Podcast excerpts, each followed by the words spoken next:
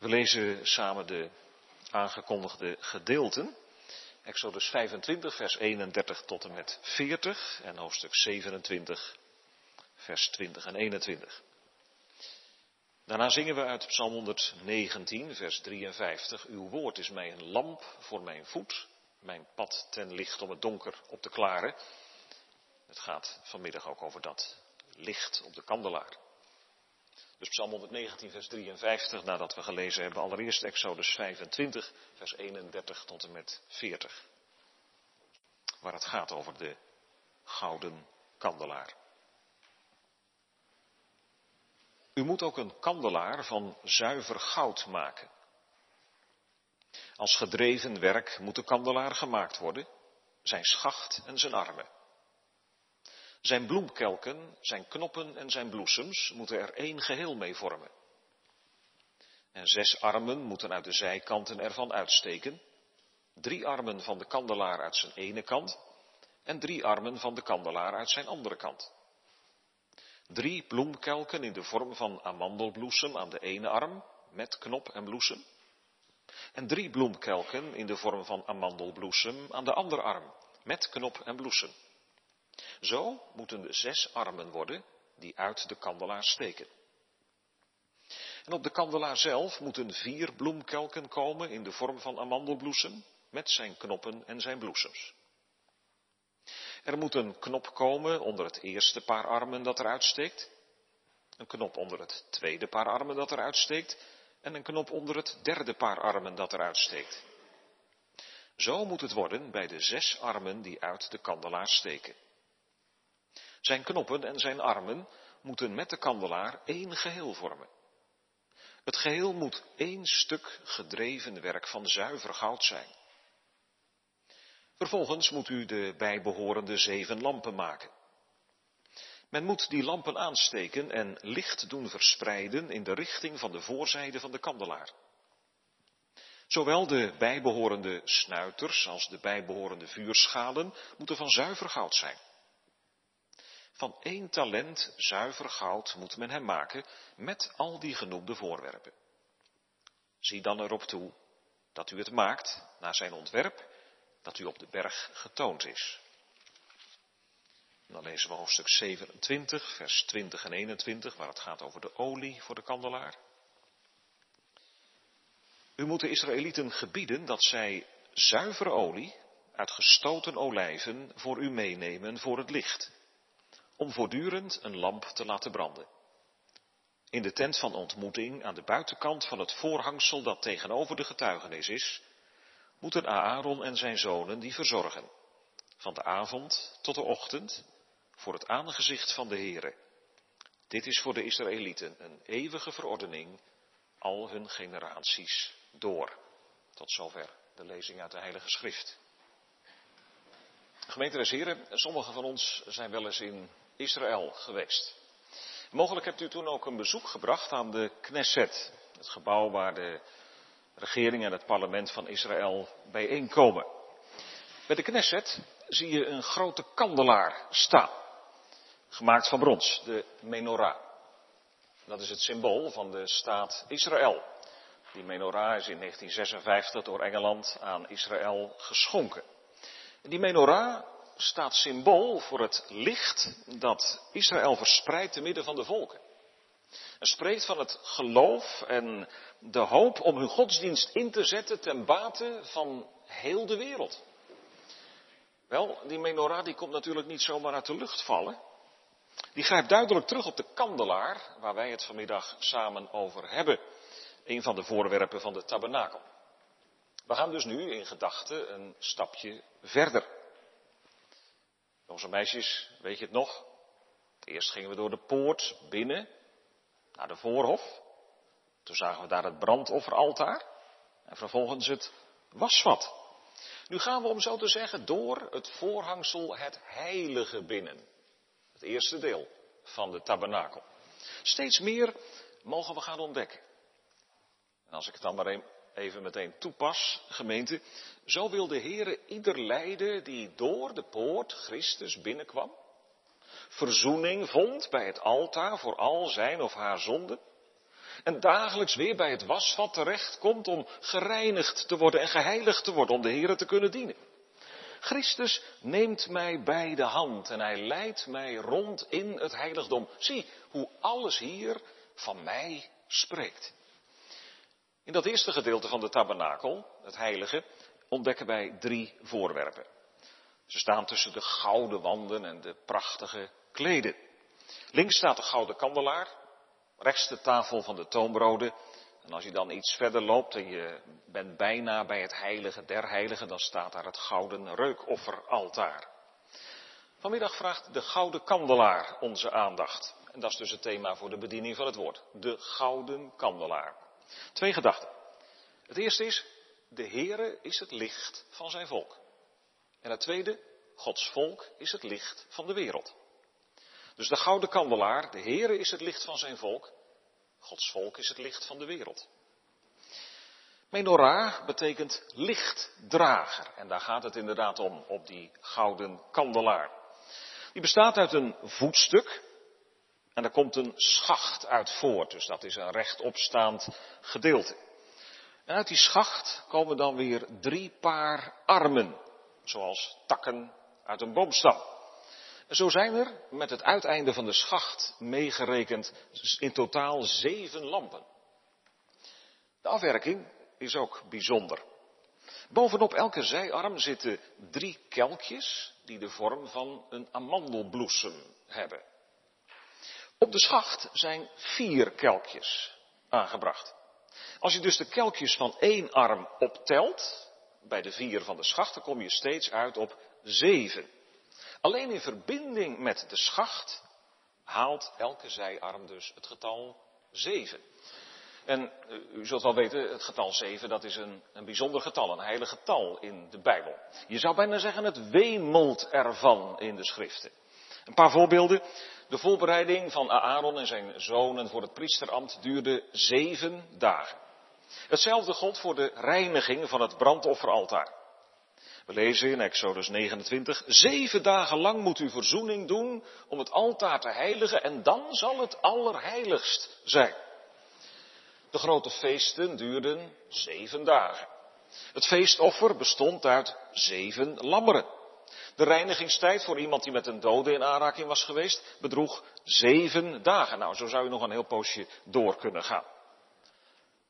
We komen in de Bijbel regelmatig tegen dat iemand zweert dan denkt u misschien, wat heeft dat er nou mee te maken? Nou, het Hebreeuwse woord voor zweren heeft met zeven te maken. Het betekent letterlijk zich zevenen. Het komt vaak voor bij een verbondsluiting. En daarom is dat getal zeven vooral ook de aanduiding van de vastheid van Gods verbond. De Heere heeft gezworen bij zijn eigen heiligheid dat hij zijn verbond zal gedenken en zijn volk zal bewaren. En zo bevat het getal 7 bij deze kandelaar op zich al een rijke verkondiging. Om deze kandelaar te maken was een bijzonder vakmanschap nodig. De maker, Bezaliel, is door de Heilige Geest op een bijzondere manier bekwaam gemaakt om het materiaal van de tabernakel te vervaardigen. Anders had hij het nooit op deze manier gekund.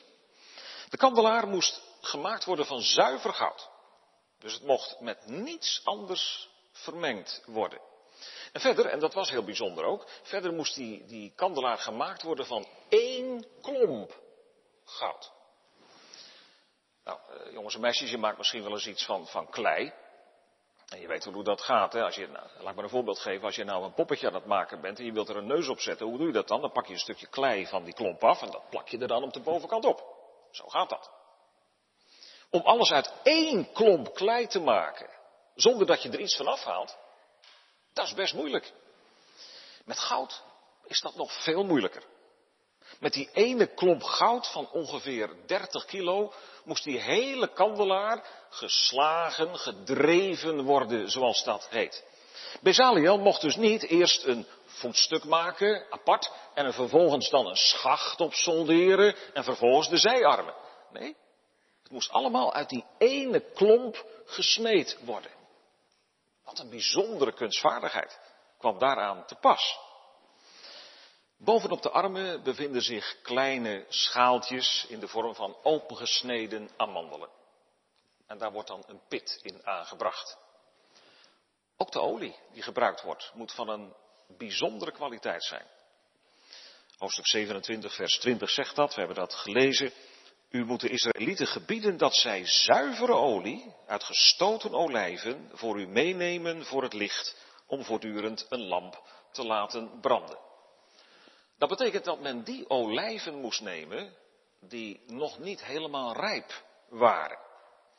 Om die vervolgens te stoten in een mortier. En dan krijg je de meest frisse geur en de meest heldere kleur. Rijpe olijven zouden te veel bezinksel achterlaten en dan krijg je in het heiligdom rook, walm. En dat mocht er nou net niet zijn. Met deze olie gebeurt dat niet. Het is het meest zuiver en het geeft het helderste licht. Voor de dienst van de Heere is alleen het beste goed genoeg. En om dat licht, gemeente, gaat het uiteraard.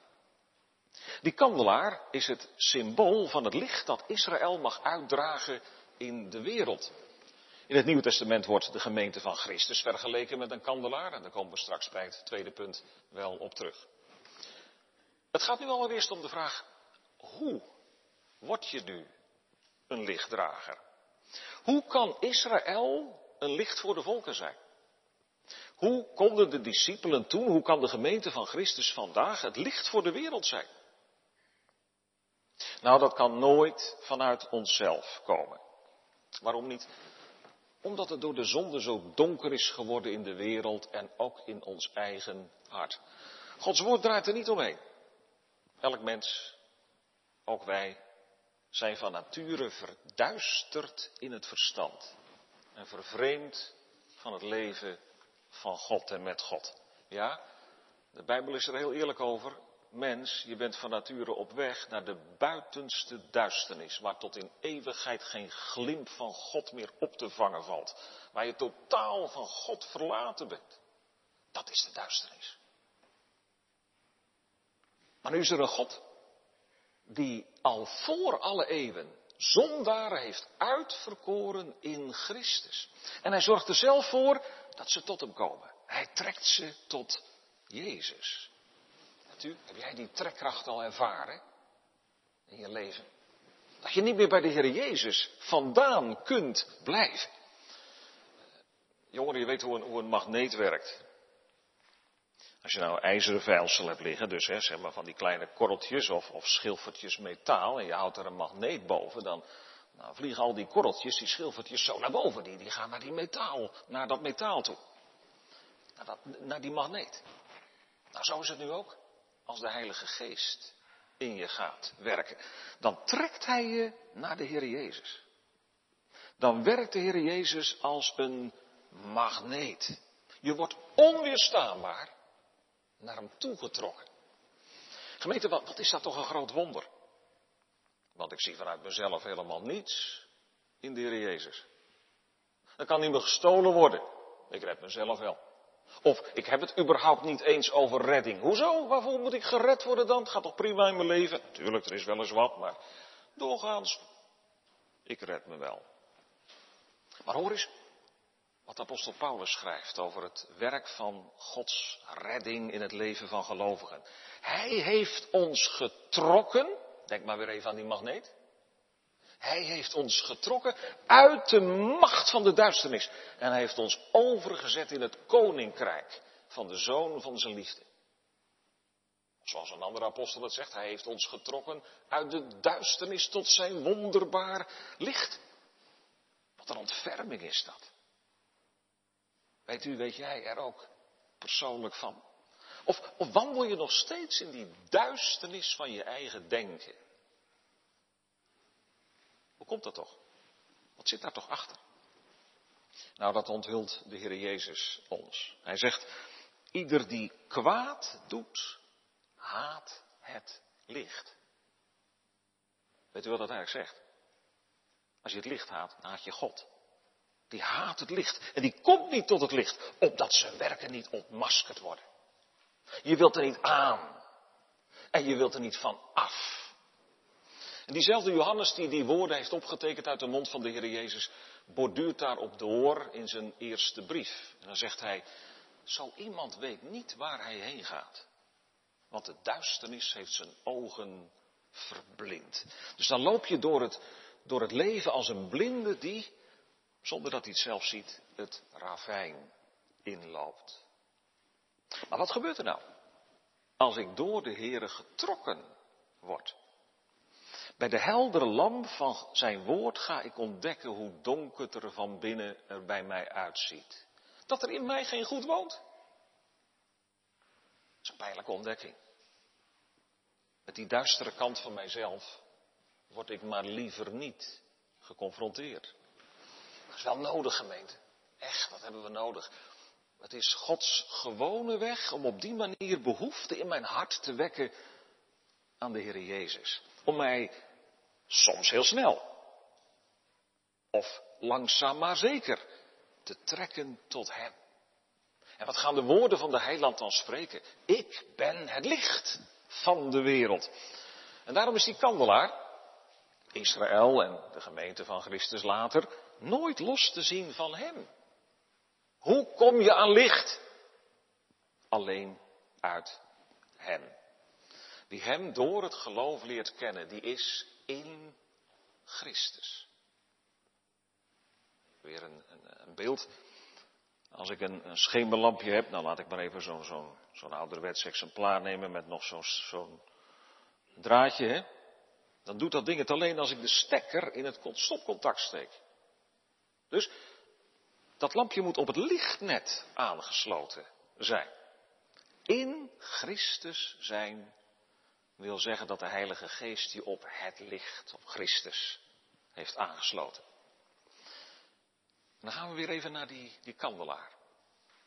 Die armen van die kandelaar zitten allemaal vast aan die schacht. Als uit één stuk. Alleen door de verbinding aan die schacht, als takken van een boom. Die schacht, die is dus het middelpunt. Ziet u? En daar ligt het geheim van de kandelaar. Israël, en later de gemeente van Christus, kan alleen maar licht dragen vanuit Christus. Met eerbied gesproken in verbondenheid aan de schacht. Christus is het licht voor zijn volk.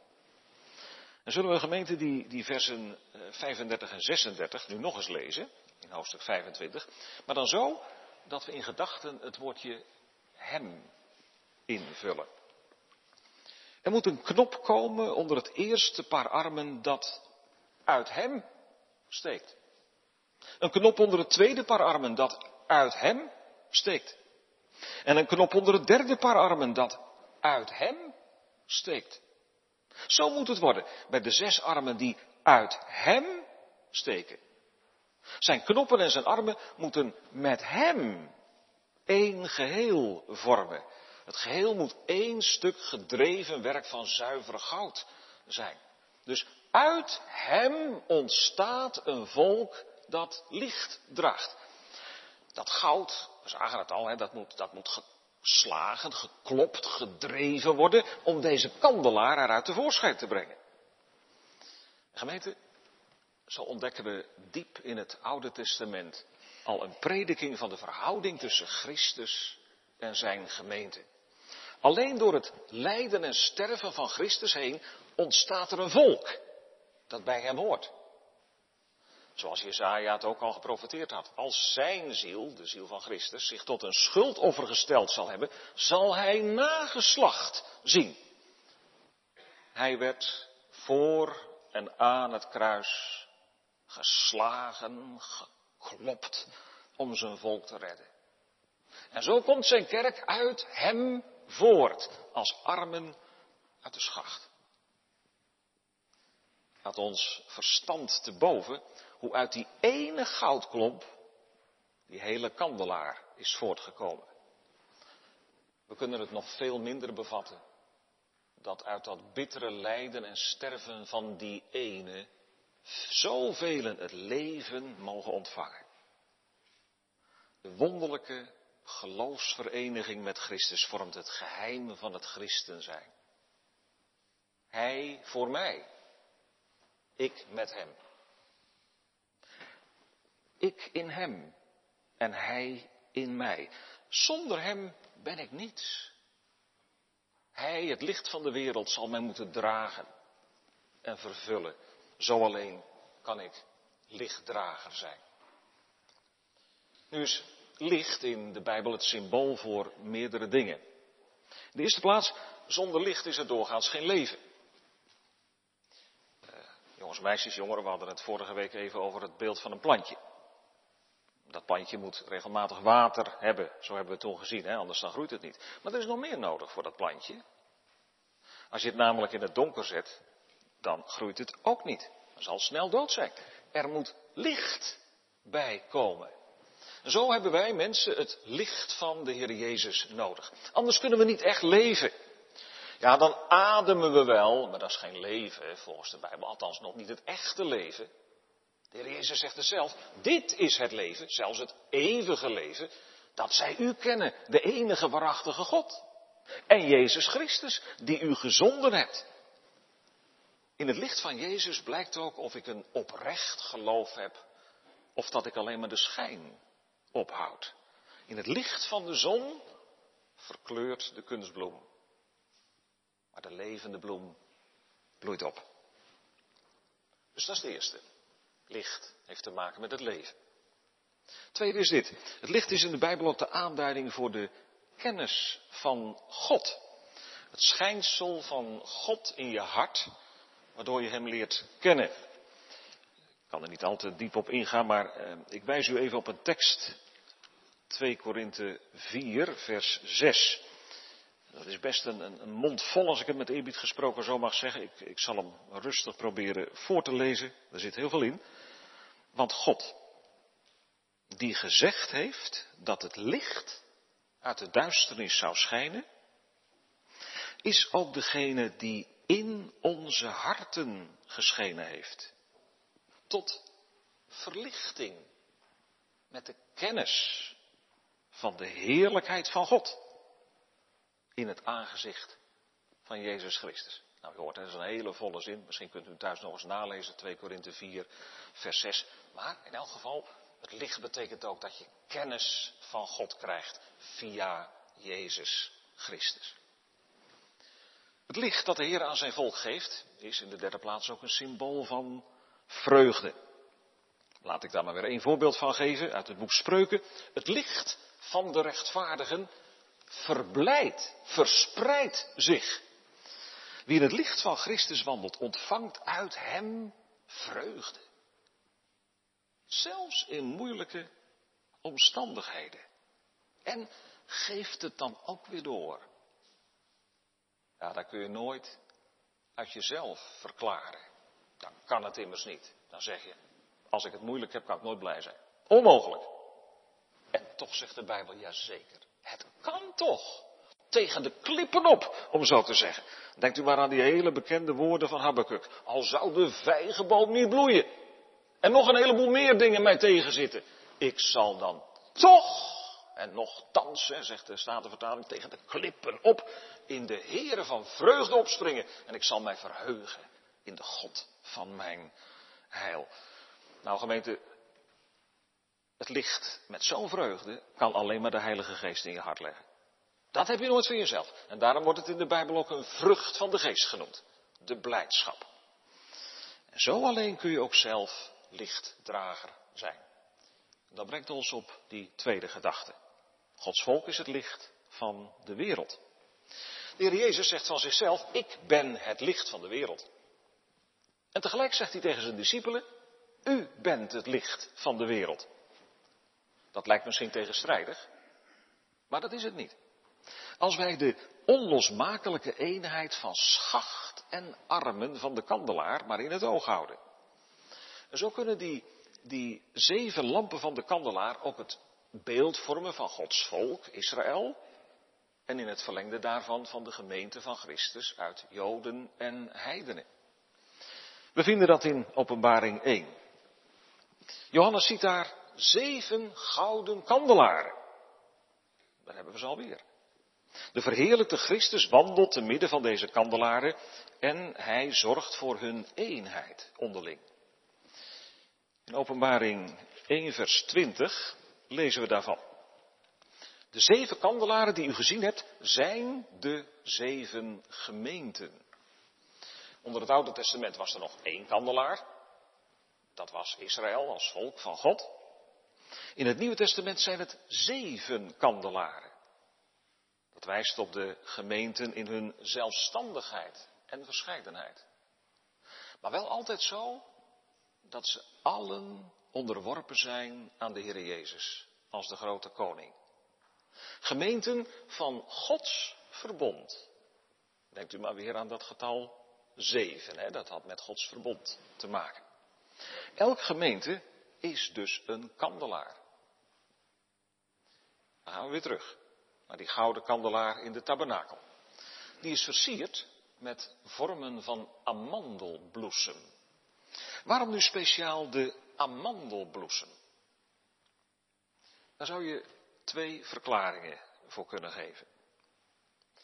We kunnen in de eerste plaats denken aan het visioen dat de profeet Jeremia kreeg toen de Heer hem riep tot het ambt van profeet. De Heer liet aan Jeremia een twijgje van een amandelboom zien. Amandel betekent de wakkere.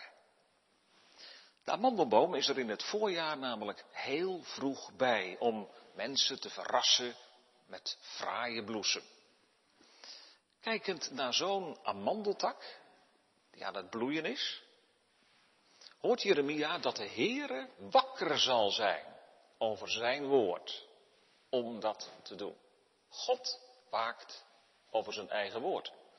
En zo zouden dan de versieringen van de amandelboom die je op die kandelaar tegenkomt, getuigen kunnen van de betrouwbaarheid van Gods woorden. Nou, dat is zeker een mooie verklaring, een goede verklaring, die is zeker mogelijk.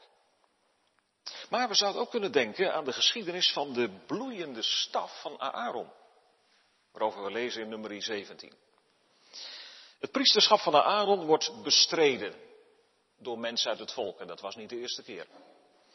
En dan geeft de Heer de opdracht om twaalf staven, voor elke stam één staf, in de tabernakel te leggen.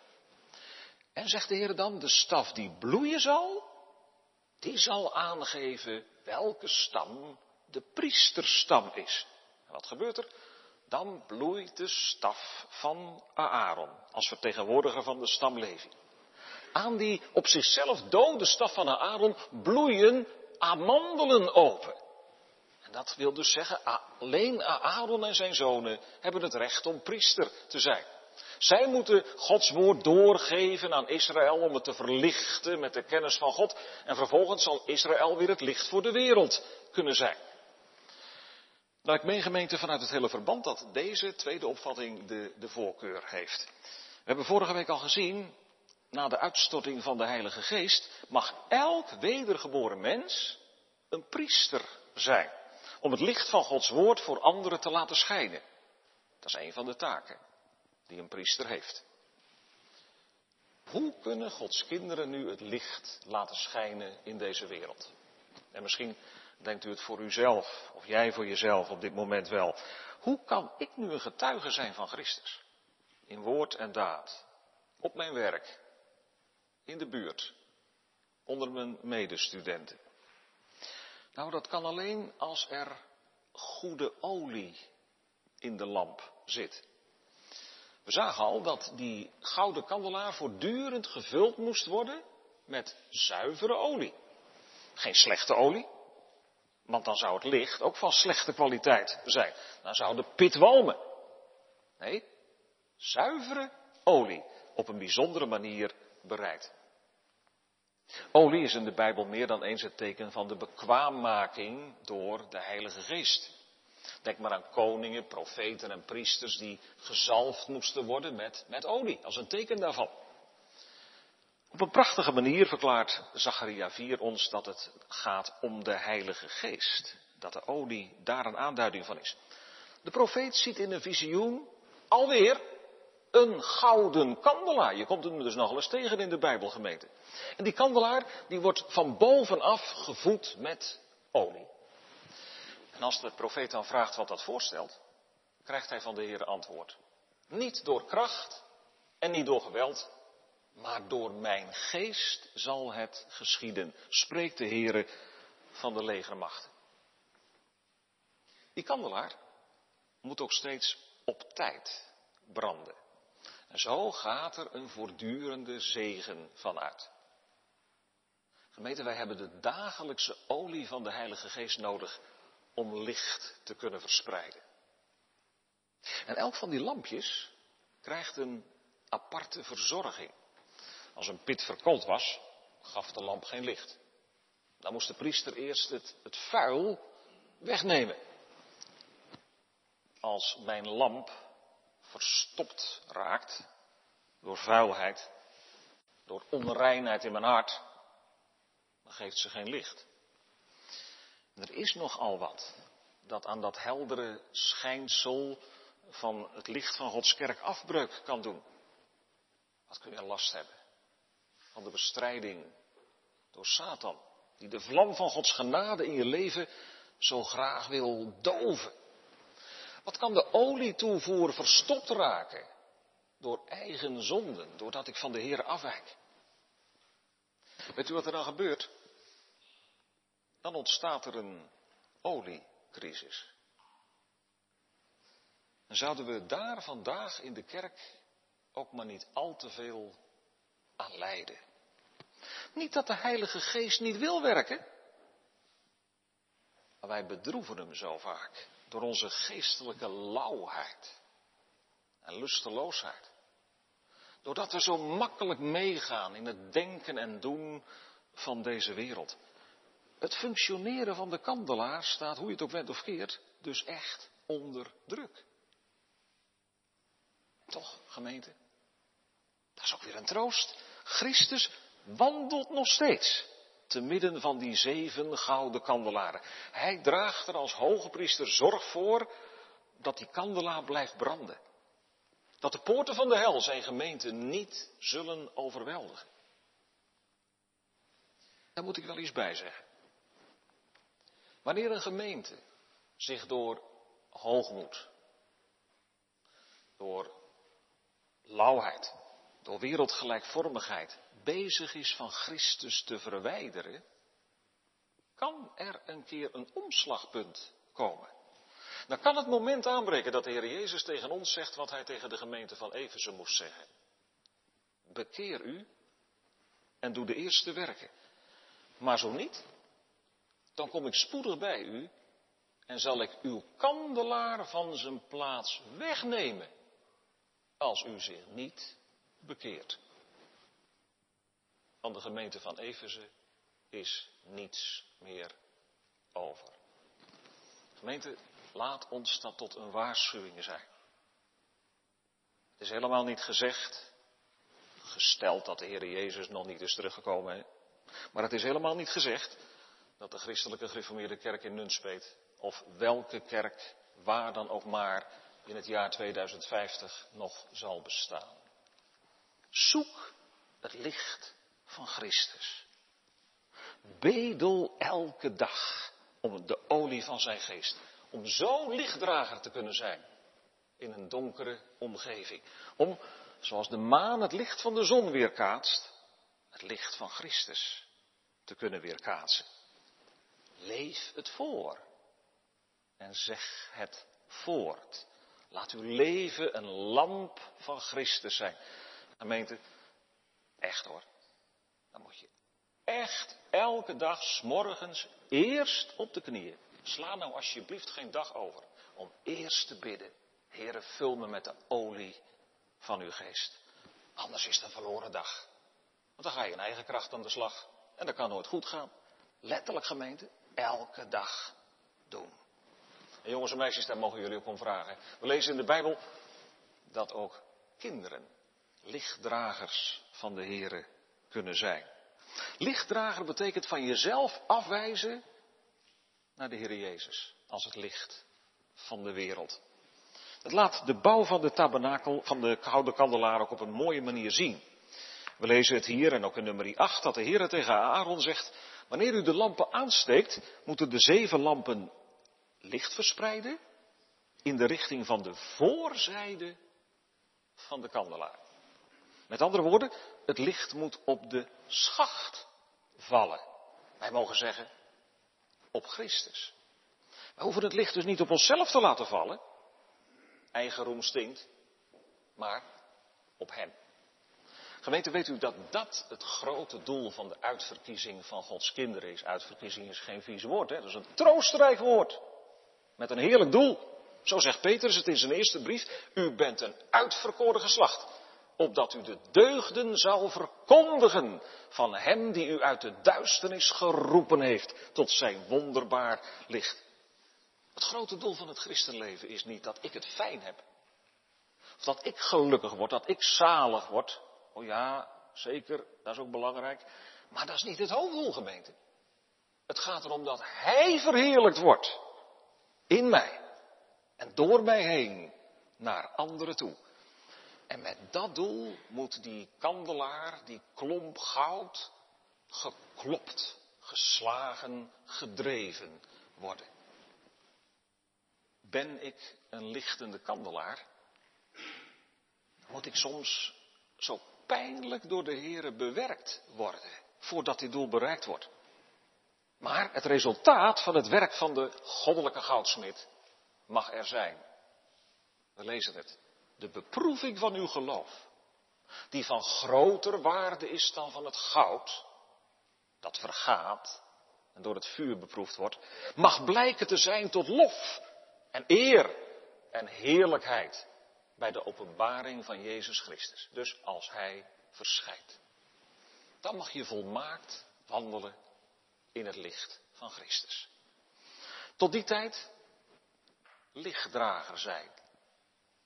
In een wereld, en ik weet niet hoe u dat vergaat, maar als u, als we nou alle ontwikkelingen van de laatste paar maanden in deze wereld eens op ons laten inwerken, dan kun je toch zeggen in een steeds donkerder wordende wereld. Jezus zegt tegen al zijn volgelingen, u bent het licht van de wereld. Een stad die bovenop een berg ligt, kan niet verborgen zijn. En ook steekt men geen lamp aan en zet die onder een korenmaat, maar op de standaard. En hij schijnt voor allen die in het huis zijn. Laat zo uw licht schijnen voor de mensen, dat zij uw goede werken mogen zien en dan u verheerlijken? Nee, uw Vader die in de hemel is, verheerlijken. Horen we het gemeente? Hij wenst dat ieder tot zijn ere schijnt. Gij in uw klein hoekje en ik in mijn. Amen.